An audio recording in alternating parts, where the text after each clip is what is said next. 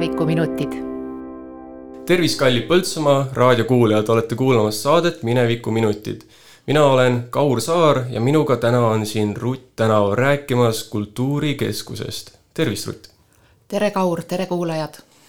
miks just me täna oleme rääkimas Kultuurimajast või Kultuurikeskusest, siis on, et mõned aastad tagasi oli Põltsamaa kultuurikeskusel siis juubel. selleks juubeliks siis ka Rutt tegi ühe teose, kas sa räägiksid meile sellest natukene?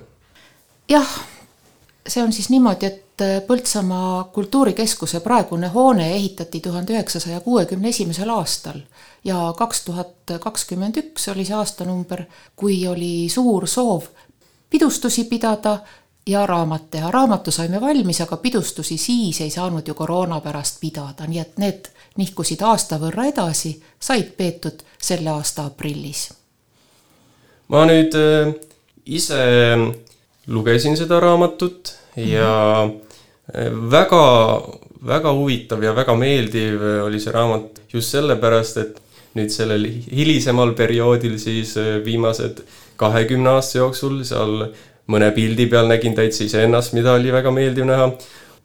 nii-öelda raamat saab alguse nii-öelda mis ajast, ajakäsitlusest siis täpsemalt? Raamat algab väikese eellooga äh, tuhande üheksasaja neljakümne viiendast aastast alates. et äh, mis oli siis enne, et miks oli vaja seda maja ehitada, kus praegu ollakse? ja siit ka ma tahtsin küsida, et kas Põltsamaal siis esimese iseseisvuse aegu, noh, kuna siis nagu sa ütlesid, äh, algab siis tuhande üheksasaja neljakümne viiendast aastast, noh siis juba oli, oli nii-öelda juba mitmeid aastaid siis esimene Äh, Eesti Vabariik juba kadunud olnud, et kas esimese iseseisvumise ajal siis oli ka Põltsamaa kultuurimajaga seonduvaid asju? ma julgeksin minna natukene veel kaugemale kui Eesti Vabariigi tekkimine. selles Balti-Saksa maailmas, Vene tsaaririigis ei olnud eestlastel võimalik ametnik, ametlikult äh, ühistegevust harrastada, aga esimene võimalus tekkis tuhande kaheksasaja kuuekümne seitsmendal aastal, kui tsaari ukaasi järgi tuli siis äh, tuletõrjeühingud asutada. nii et äh, maarahvas, Eesti rahvas esimese asjana sai hakata siis äh, priitahtlike pritsimeeste seltsides laulukoore pidama ja pasunakoore pidama ja näitemängu harrastama. rahvatantsu ma ei söanda nüüd kohe nimetada, aga, aga pasunakoorid, neid me ju teame olgu või suvefilmist. ja näitemängust on ka palju olnud lugeda. ja Põltsamaal oligi samal aastal see tuletõrjeühing tuhat kaheksasada kuuskümmend seitse ja sellest mõni aeg edasi, tuhat kaheksasada kaheksakümmend üks sai asutatud Põltsamaa Eesti Põllumeeste Selts, nii et see oleks siis nüüd juba puhtamalt veel Eesti selliste ärksamate inimeste ühendus kahtlemata neil olid äh, põllumajanduslikud eesmärgid, põllumajandusnäitused, põllumajandusharidus, põllumajanduslik koostöö, kaubanduslik koostöö, aga äh, nemad ehitasid äh, seltsimaja Veski tänava äärde. see koht, kus praegu seisab lasteraamatukogu, kõigepealt üheksateistkümnenda sajandi lõpus ehitati sinna väike seltsimaja. jäi kitsaks, ehitati külge saal see raamatukogu vanaosa, ta on küll ka sõjas põlenud ja uuesti üles ehitatud, aga see raamatukogu vanaosa oli Põllumeeste Seltsi saal. ja Eesti Vabariigi esimesel iseseisvusperioodil oli see kõige tähtsam seltsimaja linnas. ja selle maja taga, vaatega Vabadussõjas langenute mälestusmärgi poole, oli välilava. nii et fotod on seal noh, kõige rohkem fotosid on tuhande üheksasaja kolmekümne neljanda aasta Põhja-Viljandimaa laulupäevast. et see oli siis, eks ole, Kolga-Jaani kant, Pilistvere kant, Suure-Jaani kant, kes kõik tulid kokku, vähemalt kolmandik Viljandimaad, noh, nagu meiegi olime, eks ole.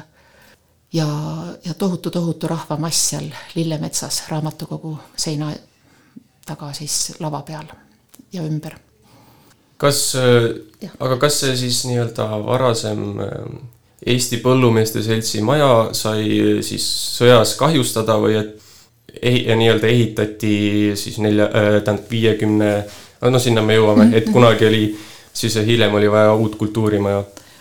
jah, no Põltsamaaga läks sõjas ju kehvasti nagu peaaegu kõigis sõdades, sõjateedel, nagu me siin asume.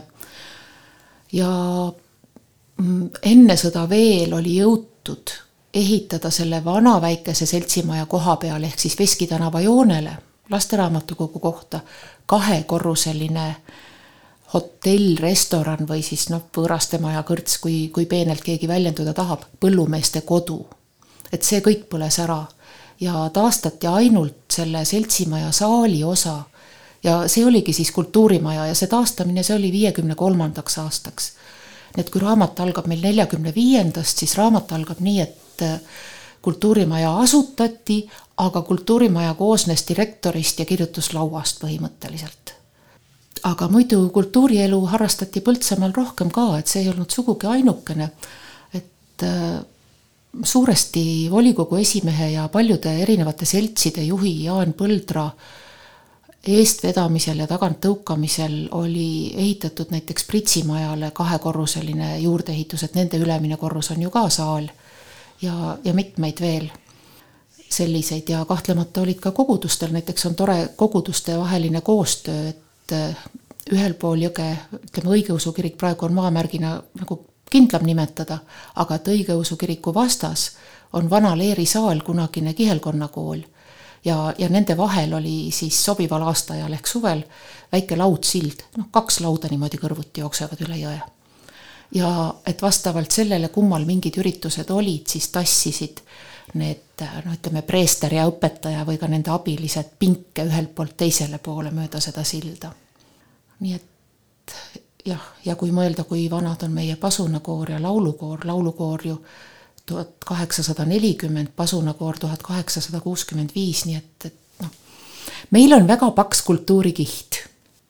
aga edasi minnes siis äh, nüüd sellele, kui kultuurimaja sai omale lõpuks selle maja ja enam ei olnud ainult direktor ja kirjutuslaud mis oli selle ajendiks siis nii-öelda, et on vaja Põltsamaale seda kultuurimaja siis siin viiekümne kolmandal aastal? viiekümne kolmandal, no ilmselt ikka oli ühistegevust juba siis nii palju, et kui oli vajalik asutada kultuurimaja, ju siis oli selge, et tuleb ikka maja ise ka ehitada. aga see praegune raamatukogu, see oli üks saal ja kaks tuba. aga huvitegevus läks nii hoogsaks, et sellest jäi kindlasti väheks praeguses suures majaski on ju tihti kitsas, et ei leia neid aegu, millal see saaks keegi harjutada. Et siis viiekümne kolmandal sai see maja, see jäi kitsaks, aga muidu seal raamatukogu majas, seal ju tehti operette. meie endine raamatukogu direktor Vaike Oro, neiupõlve nimega Kaup, hiilgas seal no põhiliselt küll subreti rollides. aga siis jah, nii aktiivne kultuuritegevus, et kuuekümnenda aasta paiku leiti, et tuleb ikka oma majad ehitada. ja mis on veel argument selle juures või oluline moment, on see, et siis oli Põltsamaa omaette rajoon. Jõgeva oli ka omaette rajoon ja Mustvee ka. ja kõigis kolmes linnas, nagu tänapäevalgi näha võib, ehitati täpselt ühesugused agrosoo propagandakeskused. ja no eks sellel ajal propagandat väga palju neilt asutustelt oodati ka rääkides propagandast, siis üks küsimus, mis ma tahtsin küsida, et meil mm -hmm. nii-öelda ülikoolis siis näiteks arhiivinduse õppejõud ikka ütlevad mm, -hmm. et, et nõukogude ajal ähm, oli siis arhiiv oli kui nõukogude võimu käepikendus, et kuidas äh, oli näiteks äh, Põltsamaa kultuurimaja siis sellele koha, kohalikule elule, kas oli, saab öelda, et nõukogude käepikendus või ei saa? mul tuli praegu sõna pooljuht hoopis meelde, see tuli niimoodi järsku lampi meelde, et nagu valikuline. et äh, ma ütleksin niimoodi, et ta kahtlemata oli käepikendus, kahtlemata need, no võib-olla võiksin nimedki ära nimetada, et äh, peaaegu kuuskümmend aastat töötasid Põltsamaa kultuurimajas, ehk siis peaaegu algusest peale äh, Sirje Tuula, Tiina Rohtväli ja Senta Bergman no alguses nad tulid siia kenasti neiupõlve nimedega, siis nad leidsid endale abikaasad ja, ja nad kõik on Viljandi kultuurikooli haridusega. no praegu, kas võiks öelda rakenduskõrg või niimoodi. et haritud, väga haritud noored inimesed. ja nad olid kahtlemata õppinud, missuguseid dokumente tuleb teha, neil Mm, no Senta on toredasti ikka rääkinud, et ma kohe, ma kohe ei sallinud, kuidas Sirje ja Tiina muudkui kirjutasid igasuguseid stsenaariume ja aruandeid ja kõike. noh, seal ikka tohutu paberipakid pidid olema õigesti sõnastatud, tõesti propaganda võtmes, et igas ringis pidi ka olema selline kasvatustöö. ja aga samas jällegi ei olnud seda äh, Äh, vormitäiteks asja vaja kohalikele inimestele, ka kohalikele juhtidele, et kohalike juhtidega, ma saan aru, oli suurepärane ja, ja siiras läbisaamine. et kui näiteks täitevkomitee esimees või keegi ütles, tüdrukud, aidake välja, meil on homseks vaja tsiviilkaitsetuba teha. noh, siis oligi kiiresti mingid plakatid olid, ühe toa seina peale visati plakatid üles. kontroll tuleb, kõik on korras ja ongi tehtud. ja nende oma tublide aruannetega oskasid siis need noored haritud naised Äh, viia asja nii kaugele, et Põltsamaa kultuurimaja oli Nõukogude Liidu kõige parem kultuurimaja. ja ma tahtsingi just mm. sinna jõuda, et kas sa räägiksid ka sellest, et kui tulid need äh, alguses siis äh, Eestis kontrollid, noh kom- mm, -hmm. kommunistliku võimu kontrollid kultuurimaja jaoks ja siis kas sa räägiks seda etappi, et siis tulid veel kõrgemalt ja kõrgemalt, et see oli minu jaoks raamatust natuke naljakas nagu lugeda. jaa, mul ei tule võib-olla seda nii pikalt etapiliselt, aga jah, kahtlemata, et see, no selle asja nimi oli ju sotsialistlik võistlus. kõik võistlesid omavahel, kõik samalaadsed asutused või samalaadsed töökollektiivid, pidev sotsialistlik võistlus oli. ja see toimus küll rohkem vist paberi peal kui päriselus, aga jah, et kahtlemata, et olid oh jah, neid kontrolle, siin tulid sellised isiklikud momendid juurde, et kultuuriminister elas Tartus, ta sõitis kogu aeg hommikuti Tallinnasse no mis juhtus Põltsamaa kultuurimajas, vaata, et iga hommik lendab minister läbi, paneb linnukese kirja, ta on jälle kontrollinud kedagi. Põltsamaa kultuurimaja. no siis oli veel see, et kui juba oli Jõgeva rajoon, ega oligi ju varsti, et kuuskümmend üks oli veel Põltsamaa rajoon, aga kuuskümmend kaks oli Põltsamaa rajoonil viimane aasta ja siis oli kõik Jõgeva rajoon. ja tekkis mm, jah, maavalitsus me ütleksime praegu, aga, aga et siis selline maavalitsuse laadne asi Jõgevale ja seal oli kultuuriosakonna juhatajaks Põltsamaa päritoluga Toome Hilja, õigemini päritolu on tal mujalt, aga perekonnaelu oli tal siin. ja siis oli ka selge värk, kui mingid kontrollid hakkavad tulema, kuhu ma saadan üle rajooni. ah, Põltsamaal on kõik korras, ma tean ja seal on haritud tublid inimesed, kõik kontrollid Põltsamaale, kõik kontrollid Põltsamaale. Nonii, rajoon, vabariik, siis öeldi vabariik, see on nüüd jälle selline sõna, et et, et tänapäeval näiteks mina Eesti üleriigiliste asjade kohta ei kasutaks sõna vabariiklik, eks ole, et see oleks nagu, see on nagu mingi muu tähendusega, see on nagu mälestus nõukaajast. et need vabariigid, need ei olnud ju mingid iseseisvad asjad. ja siis oligi, et vabariiklik asi oli ära ja siis tulid Moskva kontrollid. Moskva kontrolle meile meenutab Sirje Tuula isegi tegelikult inimlike ja toredatena. et nad tahtsidki kogemusi saada ja nad olid toetavad ja sõbralikud ja, ja niimoodi ja just see, et ähm, ülenõukogulik rahvakultuurimaja, just see, et rahva oli vaata tol ajal hästi tähtis. Äh, kas mitte see ähm, pikaajaline Põltsamaa äh, kooli direktor? just, ja, ja, jah, aitäh meenutamast. täpselt, et äh, koolidirektor Kalju Teras, tema sai Nõukogude Liidu rahvaõpetajaks, niisiis meie äh, Äh, segakoor, kui tal täitus sada nelikümmend aastat, siis tema sai rahvakoori tiitli. jah, et see rahvas on see kõige tähtsam. see tähendab, et kogu Nõukogude rahvas austab teda. ja noh, eks ole, rahvakunstnikud olid kõige tähtsam tiitel.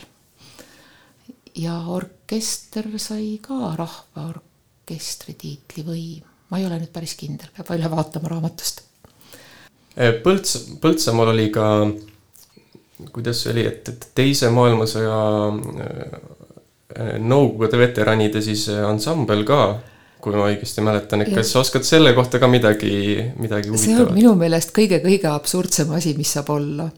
selles mõttes, et ta asutati praktiliselt juba fosforiidi, no täielikult fosforiidisõja ajal, täielikult siis, kui ma ei tea, võib-olla keegi juba isegi uskus seda, et Eesti Vabariik tuleb kohe-kohe tagasi nii et jah, aga sel üks praktiline põhjus tal oli, kuna parasjagu ehitati seda lauluväljakut, mis nüüd ära lammutati ja lasteaia tasemele kerkib, siis äh, lauluväljaku ehitamine võttis aega kümme aastat, tuhat üheksasada seitsekümmend üheksa kuni kaheksakümmend üheksa. Ja kaheksakümne üheksandal aastal kõige esimene suur pidu mis seal lauluväljakul peeti, oli siis, nüüd on jälle üle vabariigiline, eks ole, et nagu noh, see oleks nagu osariik. et äh, selline äh, sõjaveteranide orkestrite, kooride kokkutulek, selline, selline üritus. jah, ja siis Põltsamaal oli vastavalt selleks ajaks asutatud ka oma tasuleek kas siis, kas oli nagu ikkagi võimude poolt mingil määral surutud, et ei olnud sihuke, et, et noh, heast tahtest, et veteranid või ikkagi, et äh, mingisugune poliitiline eesmärk oli seal tol ajal taga või on? tegelikult see nüanss on mul läbi uurimata, ma ei osanud ilmselt küsimusi niimoodi suunata või, või, või, või ma ei saanud vastust täpselt, et kuidas see oli. sest noh, mõnes mõttes võib-olla tõesti oli surve sel ajal veel see kõige tugevam ka paiguti. kaheksakümne üheksas aasta, Balti kett, armas aeg rindesõprade kokkutulek. kohutav. kas Nõukogude võimu siis lõpuperioodil ähm, Põltsamaa kultuurimaja oli ka sellise äh, rahva liikumise äratajaks nii-öelda siis, et kui varem sa räägid, et just algusperioodil pigem sihuke ähm, käepikendus, aga kuidas lõpuperioodil oli? Äh, seda oskasin ma tõesti äh, Sirje Tiinalt ja Sentalt küsida ja sellele sain ma vastuseks pigem niimoodi, et me olime kogu aeg, me tegime kogu aeg oma asja. me kirjutasime ära need aruanded. meil oli teaduslik ateism, aga teadusliku ateismi all me õpetasime inimestele rahvakombeid. et see oli nagu justkui oleks kristluse vastane, tegeleme rahvakommetega, kadripäeva kombed, jõulu, aastavahetuse kombed, toome kuke tuppa, laseme teri nokkida tüdrukute eest et, et Põltsamaal jah, see jutt jäi meil enne selle koha pealt natukene pooleli. et nad tegid pabereid, aga nad tegelikult tegid neid üritusi nende korras paberite varjus, mida nad ise tahtsid. Nad tegidki kogu aeg rahvuslikke üritusi. ja mina käisin ise Jõgeva keskkoolis, noh, see ei olnud nüüd päris kuuekümnendate, aga seitsmekümnendate lõpupoole juba küll. ja Jõgeva pool oli oli rohkem nagu selline arvamine, et Põltsamaal on ikka, ikka äge, et on ikka noh, ühtne rahvas ja, ja täpselt seda, seda mulle kinnitasid ka Kultuurimaja naised, et, et kõik oli noh, vabandust, kollektiiv oli naiskollektiiv põhiliselt. ja et Põltsamaa oli väga ühtne. asutuste juhid, päris juhid, kõik, kõik olid ühte meelt, kõik ajasid ühte asja. ja, ja et siis ei olnudki ärk ärkamisel, taasärkamise ajal ei olnudki kultuurikeskusel või noh, siis ta oli veel Kultuurimaja nime all, nii väga erilist midagi teha, et kõik toimus nende meelest samuti. noh, fotode järgi näiteks seda Eesti komiteed ja kodanike registreerimist, sellega tegelesid rohkem raamatukogu töötajad, et seal oligi Tiiu Pihlakas oli raamatukogust üks eestvedaja selline ja et see oli natuke teistmoodi rühm inimesi võib-olla.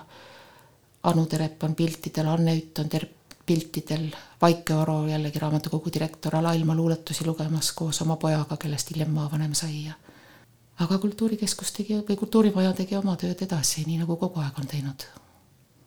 aga pärast taasiseseisvumist, siis hakkasid sellised probleemid, et vahepeal oli idee isegi, et Kultuurimaja pole üldse vaja. teeme autopoe siia, et üks linnajuht oligi käinud niimoodi, et mõõdulindiga mööda saali, et saali tuleb autode näitus. ja et, et kultuurimajale jääks ainult lava ja tagumised garderoobid, käivad tagauksest ja sellest piisab. nüüd me hakkame ka jõudma taasiseseisvumise aega, aga enne kui me päris selle teema juurde mm -hmm. läheme, teeme väikse muusikalise pausi ja oleme kohe varsti tagasi. kui on vaja minna Rooma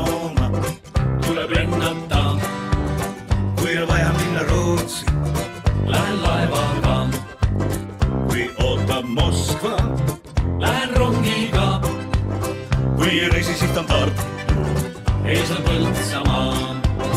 jah, Põltsamaa meeles mul, Põltsamaa meeles sul, Põltsamaa meeles mul on Põltsamaa meeles sul, mida Põltsamaal on teha, kes võiks ütelda? Seal palju põnevat on näha, sealt õmmut veini saab. Põltsamaa meeles mul, Põltsamaa meeles sul, Põltsamaa meeles mul on Põltsamaa meeles sul. kui ma juhtu sõitma Hiina, Peking suur on ja kui seal võtan veidi viina, hakkan kaklema. politsei mind võtab kaasa, paneb vangi ka.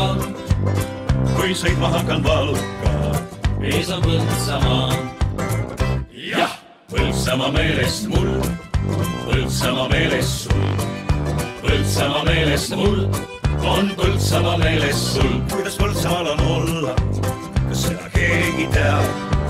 on põhjust palju siia tulla, nii palju siin on head. jah, Põltsamaa meelest mul, Põltsamaa meeles sul, Põltsamaa meelest mul on Põltsamaa meeles sul. kui ma tahan tunda rõõmu, lähen peole ja kui ma tahan näha sõpru, ootab kõrts või paar. Loodusesse tuleb minna, et veidi puhata kuid enne kui ma jõuan sinna, ees on Põltsamaa. Põltsamaa meelest mul, Põltsamaa meelest sul, Põltsamaa meelest mul on Põltsamaa meelest sul. kas Põltsamaal on elu iga? see pole üldse nii, elada seal pole viga, seal elaks isegi.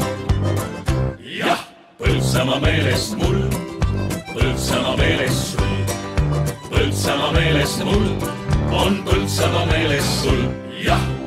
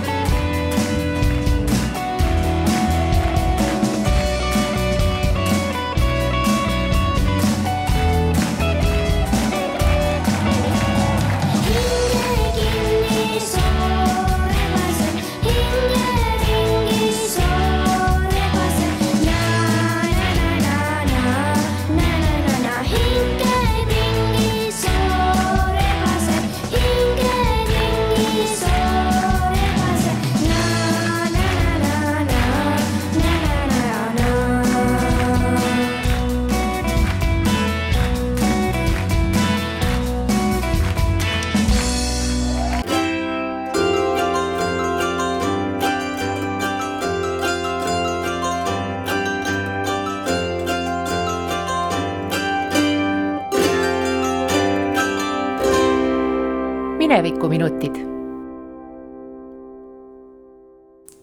ja oleme muusikapausilt tagasi olemas, olete kuulamas Minevikuminuteid. mina olen Kaur Saar ja minuga on koos Rutt Tänav.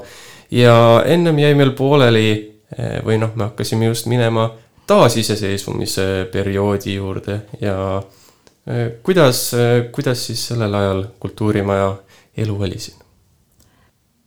ma ei oskagi vastata õieti, et selle loo, kuidas autopoodi taheti teha, selle ma rääkisin ära ja no elu oli närviline, elu oli ebakindel, et kui varem oli kõik äh, suur koostöötahe ja ühtsus, nii et kui nõukogude ajal mingil, mingil ajal hakati ülevalt poolt nõudma, et oleks kultuurispordikompleksid, noh, nii nagu agro ja ma ei tea, tööstuskompleksid vahepeal välja mõeldi, et noh, mingid tohutud sellised konglomeraadid, et siis oo, Põltsamaal oli see kõik juba olemas sest Põltsamaal tegidki kõik asutused Kultuurimajaga koostööd, kõikvõimalikud ringid, kõik olgu nad laulmised, tantsimise, spordi, raadiotehnika, mis iganes, huviringid, kõik olid Kultuurimajas kirjas ka. eks said ruume ka kasutada.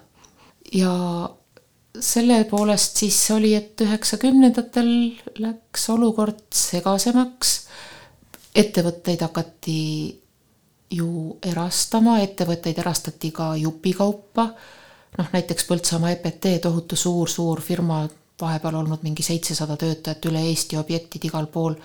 sellest sai päris palju erinevaid ettevõtteid, mõni neist on alles siiamaani, päris kõiki vast mitte.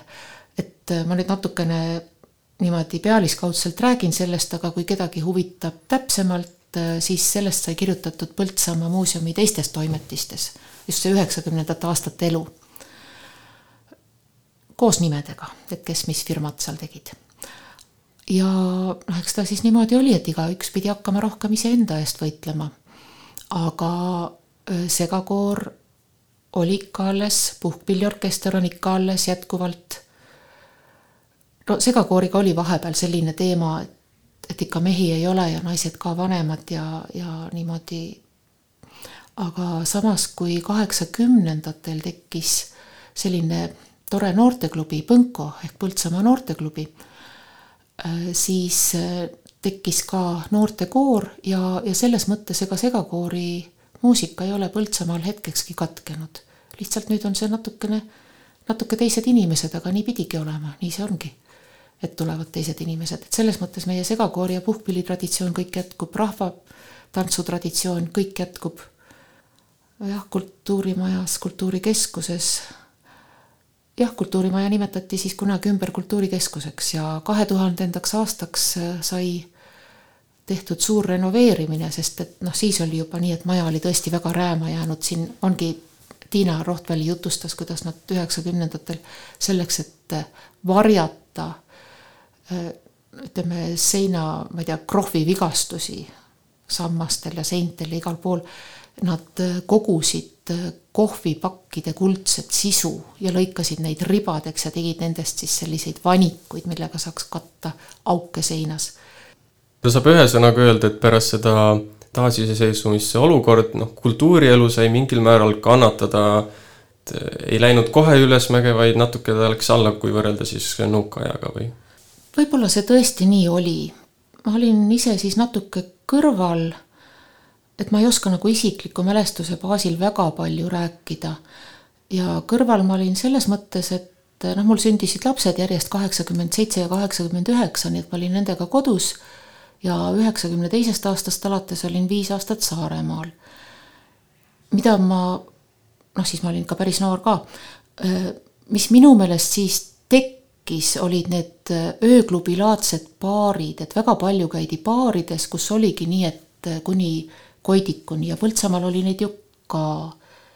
City baar ja siis äh, Joy öeldi diskoteek, et võib-olla sellised kohad õitsesid siis mõnda aega rohkem. aga, aga ma siiski jääksin selle juurde, et Põltsamaa puhkpill, rahvatants ja, ja koorilaul, et need siis küll kannatada ei saanud mulle endale raamatust eriti sihuke mõnus mõnus fakt, mis mulle meelde jäi, kuna ma ise olen ka rahvatantsija, siis mm -hmm. Maire Tiiroja läks rattaga, jalgrattaga läks Põltsamaalt Tallinnasse tantsupeole, ainuüksi see, et ta läks rattaga, ta veel rebis tollal siis peaministri Tiit Vähi tantsima ja see siis oli üheksakümne kuuendal aastal. jah, ja selle kohta on äh, fototõendused olemas, mitte ainult rahvajutt. see on jah põltsamaalased on kuraasi täis olnud ikka. võib-olla mitte kõik, aga paljud. rääkides natuke rahvatantsust, et äh, Põltsamaal esimene nii-öelda segarahvatantsurühm äh, moodustati siis viiekümne, tuhande üheksasaja viiekümne teisel aastal, et äh, tol ajal siis vist kolmandale üldtantsupeole vist ei jõutud, mis oli siis nii-öelda neljakümne seitsmendal aastal peale nii-öelda teist maailmasõda esimene tantsupidu. jah, minul tuleb jälle meelde, et kui Senta Bergman tuli kuuekümne neljandal aastal Põltsamaale, et siis juba järgmisel aastal tema rühm sai tantsupeole. et noh, et Sentaga on seotud meil siin see rahvatants kõige rohkem, aga noh, enne oli heinamüls siin viiekümne seitsmendast aastast, aga jah, viiekümne teisel aastal on asutatud, Malle Sobra Jõgiste oli. ja, ja sellest rahvatantsurühmast ongi siis saanud äh, virmalised. meie suur lemmik, minu suur lemmik küll aga tulles tagasi kahe tuhandendatesse, siis et eh, maja uuesti renoveeriti mm -hmm. ja enam ei pidanud kasutama kohvi nii-öelda siis eh, improviseeritud kaunistusi ja siis oli nii-öelda kultuurielu ainult ülesmäge või noh, nii-öelda kultuurimaja tegevus jälle. jah, võib öelda küll, sest noh, selle renoveerimisega seoses tuli juurde ka see noh, välisuksest minnes vaadates paremat kätt asuv galerii, et kunstinäituseid sai hakata paremini tegema. et varasemast ma mäletan, et Eetelhakkaja kunstiseltsi näitused olid ülemises koridoris, seal töökabinettide vahel seintel, et nagu väga kitsas ja, ja hämar.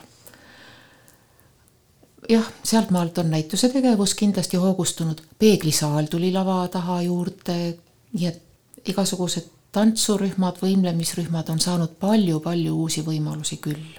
ja neid on ka juurde tulnud, neid moodsamaid, olgu siis tänavatantsu või, või breiktantsu või need, need kunagi siis hakkasid tekkima. moekool Face, siis mul olid oma lapsed ka sellises eas, kui see renoveerimine oli ära olnud, et ka üritasid siin-seal tantsurühmas kaasa lüüa natukene, et kõhutantsu tehti, seda, seda ma üritasin ise ja näi-, erinevad näiteringid on ja see. jah, näiteringidega on niimoodi, et näitlemine on tõesti selline asi, et kui muidu rahvakultuuriks võib-olla tavapäraselt tahetakse nimetada rahvatantsu, rahvalaulu, ma ei tea, koorilaulu, et siis minu meelest näitlemine on ka Eestis täiega rahvakultuur.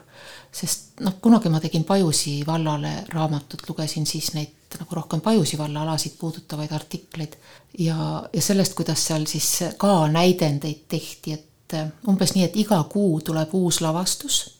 Ja ongi nii. Ja tulevadki inimesed, tulevad seltsimajja, teevad iga kuu uue lavastuse, õpivad teksti, võib-olla mitte pähe, siis olid veel etteütlejad ka kombeks. ja siis kriitik ütleb, et noh, jah, eks see näidend veeres üle lava üpris ladusalt. Et äh, jah, see on väga oluline, see näitlemise asi, et on ka, eks ole, distsipliini õpetab, empaatiat õpetab, kahtlemata on mälutreening, üksteisega arvestamine, noh, see ongi see empaatia lugu, et jah, ma pean näiteringe väga oluliseks. ühtlasi saab öelda oma sõnumit edasi või lavastaja sõnumit eelkõige aga kas, aga ikkagi rahvakultuuri nii-öelda siis näite, näite näitlemine või näiteringid mm, -hmm. siis mhm. et rahvakultuuri alla nad lähevad ikka iga näidendiga või see peab olema ikkagi selline eestimaine siis? ei, ei, seda ma ei arva, ma arvaksin, et see on ikkagi üldine, et äh, näitering kui selline, see, et tulevad ja. harrastajad, tulevad kultuurimajja või rahvamajja kokku ja tahavad koos mingit teksti ära õppida ja mängima õppida ja koos mängida lava peal või siis kuskil mujal. ma arvan, selle võiks minu meelest ikka pidada rahvakultuuriks küll mängigu või Ameerika tükki, mis siis seda on ikka vähemalt sada aastat ja rohkem tehtud, ikka rohkem, kaugelt rohkem, kui sa Saaremaa onupojast alates näiteks, Koidula aegadest. kuidas ta siis ei ole rahvakultuur? ja näidetitega, Põltsamaal on seda ka kaua tehtud, see, see väike raamat on siiamaani esitlemata, kuna jälle koroona ei ole lasknud näiteringil oma tähtpäevi pidada et üks pisike raamat sai veel aasta varem kokku pandud Põltsamaa harrastusnäitlemisest. ja noh, muidugi eriti kauge ja ütleme selliste, selliste sulgedega ennast nüüd ehtida praegu ei ole enam mõtet, et tuhat seitsesada kuuskümmend kuus Põltsamaa lossis tehti mingit haavatud peigmeest sellist näidendit. et, et alustame niimoodi päris algusest. aga siis, siis pikalt on Põltsamaal näitemängu tehtud, seitsmekümnendatel, kaheksakümnendatel oli pausi natukene. Aga jah, ütleme, et kõige värvikamana siin tõesti tuleks jälle viiekümnendate nende järjest kolm operetti, täismahus operetti, kõik tantsunumbrid, orkestrid, kostüümid, lavakujundused, noh, väga võimas ja täitsa kujuteldamatu asi praegu, et siis noh, operetid kui ära ka nimetada, Silva, Maaritsa ja Moormartri kannike. noh, oli erilisi isiksusi, siis oli selline huvitava nimega kultuurijuht Eduard Põltsamaa parasjagu. Et Põltsamaal oli Põltsamaa ja tegi operette. raamatust mulle endale jäi veel ähm, kui saab jällegi öelda, väga selline hui-, huvitav või ilmekas nii-öelda teadmine, et äh, ma nüüd täpselt enam ei mäleta, kas see oli kas kuuekümnendad või seitsmekümnendad, Nõukogude aeg igastahes ja Põltsamaal esinesid äh, selline, ma ei mäleta enam, millisest Aafrika Aafrika riigist nad olid, aga esinesid ja nad esinesid ainult kolmel korral Nõukogude Liidus. kas sa natukene avardaksid kuulajatele seda, mida mina siis nägin seal? jaa, see oli jälle üks väga-väga eriline lugu, seotud jällegi isiklike suhetega. aga ma peaks ka nüüd natukene oma mälu värskendama, kui niivõrd värvikas lugu ja ei ole täpselt meeles. ah, siin. Need jah, tumeda nahavärviga inimesed olid pärit Guineast ja käisid Põltsamaal tuhande üheksasaja kuuekümne neljandal aastal. ja need kolm kohta, kus nad siis selles suures Nõukogude riigis esinesid, olid Kiiev, Moskva ja Põltsamaa. ja miks nad just Põltsamaale toodi, oli äh, sellepärast, noh, Eestisse ilmselt oleks toodud nagunii, aga miks siis Eestis just Põltsamaale, sellepärast et äh, Filharmoonia administraator Endel Pung oli siin äh, Põltsamaaga seotud inimene. ja sellepärast, aga noh siin jah, Sental ja, ja Tiinal ja Sirjel oli rääkida neid värvikaid mälestusi, et need noh, neil olid nagu mingitest kõrtest seelikud neil tantsijatel, et neid oli vaja veel triikida, et sangaris käidi triikimas neid vahepeal ja ja siis oli see siivsuse küsimus, et Aafrika inimesed väga palju riideid ei kanna. Aga siin kästi neile siis naistele rinna ette panna mingisugused noh, riidetükid noh, fotodel on näha ka, et nagu mingi rätik on siis kaela tagant ja, ja, ja selja taga siis kokku seotud. et muidu Nõukogude inimene äkki näeb midagi sellist, mida ta kunagi näinud ei ole. ja et äh, siis üle Eesti sõideti kokku siia vaatama seda tantsurühma ja nii nagu äh, kasutati, ütleme, ütleme ühte, ühte osa sellest äh, kasutati ära või filmis Eesti matus et kui valge inimene näeb tumeda nahaga inimest, et siis ta õudselt peab käega katsuma, sõrmega. et siin olla keegi tõesti katsunud sõrmega, siis tumedat nahka. ja et, et oli tohutu eksootiline elamus, et isegi Petserist olla käidud siin vaatamas. nüüd lähme väiksele muusikalisele vahepalale ja siis räägime edasi Kultuurimajast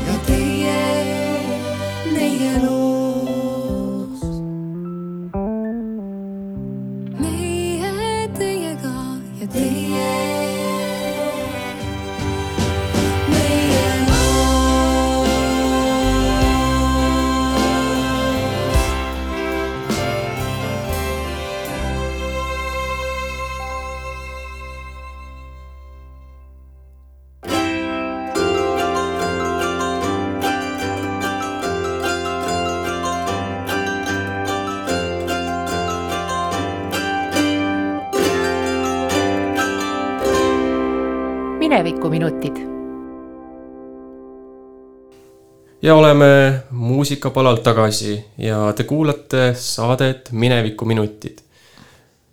Rutt, kas äh, kultuurimaja äh, oli palju nii-öelda välissuhteid, kas teiste kultuuriasutustega või siis nii-öelda sõprus, sõpruskultuurimajad, ma ei tea, kuidas täpselt see tolles maailmas asi käib, et oli erinevate kollektiividega suhteid kindlasti. Läti rühmadega või Läti kultuuri, rahvamajade, kultuurimajadega, et nendega kindlasti oli suhteid. aga mis on nüüd siin välja toodud, näiteks tuhande üheksasaja viiekümne seitsmendal aastal külastasid Põltsamaad Gruusia tantsijad. sellest on väga kaunis foto siin, kuidas pika mustapatsilised kaunitarid ja siis uhked tulised džigitid. aga äh, on vahetatud kultuurikollektiive ja see on olnud küll viimase ajani. ikka kohalikel siin meie laulupidudel, tantsupidudel või siis noh, nüüd on, eks ole, lossipäeval või, või mis meil toimub parasjagu, äh, käivad mõned äh, tantsu või laulu kollektiivid Lätist, võib-olla Leedust on olnud selliseid asju, siis on olnud mõningast sellist kollektiivide vahetust hiljem sõpruslinna Kogemäega, mõnevõrra ka Rootsist Sollefteå kommuuniga. Sollefteå on natuke kaugel, nendega on olnud see koostöö ja kollektiivide vahetamine natukene keerulisem. aga need sõpruslepingud üheksakümnendatel aastatel sõlmiti ja nii on olnud ja, ja viimane sõpruslinn Skrunda, kes Põltsamaa linnal on, nendega on jätkub, jätkuv koostöö praegugi. nii et Skrundas on veel vast enamjagu kultuurikollektiive käinud ja ka spordivõistlustel meie sportlased osalenud ja vastupidi ka täitsa ja noored kotkad ja kodutütred on seal võistlus, võistlemas käinud, mina ise ka kaasa arvatud, täitsa mm -hmm. viis, viis aastat vist tagasi juba. jah, jah, ja maalinäitusi ja käsitöönäitusi on vahetatud nii Soome kui Lätiga ja et vahel on tulnud ka selle Europeade või Europiidi festivali raames Põltsamaale välisrühmi või Baltika festivaliga. et siis on ka eksootikat siin kas lossiõues või, või siis laululaval olnud. aga vaikselt hakkame nüüd saatega lõpetama ja kindlasti soovitan kõigil lugeda Põltsamaa Kultuurikeskus kuuskümmend ja autoriks siis Rutt Tänav. ma tõesti soovitan kõigile põltsamaalastele seda lugeda, sest seal on väga palju huvitavat informatsiooni ja kindlasti, mis minu jaoks no raamatut välja toob, on see, et see ei ole selline, kuidas ma ütlen siis, kuiv akadeemiline tekst, et seal on ilusasti illustratsioonid piltidega, noh, täpselt nagu sellest eelmisest teemast, et kui sealt eh, aafriklased tulid esinema, et siis kohe, kui räägitakse nende kostüümidest, sa näed ära need, et kindlasti soovitan. ja Ruth, kas sul endal on ka mingisuguseid soovitusi? ma tahaks öelda, et kultuur on tähtis. kultuurimaja, kultuurikeskus, ta on oluline no loodetavasti kohe kõigile Põltsamaa valla elanikele. sest seal püütakse pakkuda igaühele midagi. on erinevate huvidega ja erinevate vanustega inimestele, lastest kuni kõige-kõige vanemateni tegevuse võimalused. see kultuurikeskus, see on ka sotsialiseerumise võimalus, kui meil siin polegi äkki kodust üldse kuhugi välja minna, ukerdame oma aias või, või mis veel hullem, kükitame oma korteris ja mitte midagi teha ei ole, siis kultuurikeskus on ellu kutsutud selleks, et meile meelelahutust, arenemisvõimalust, teistega kohtumise võimalust pakkuda. aitäh sulle, Rutt Te kuulasite saadet Minevikuminutid. mina olin Kaur Saar ja minuga oli siin rääkimas Rutt Tänav. aitäh teile!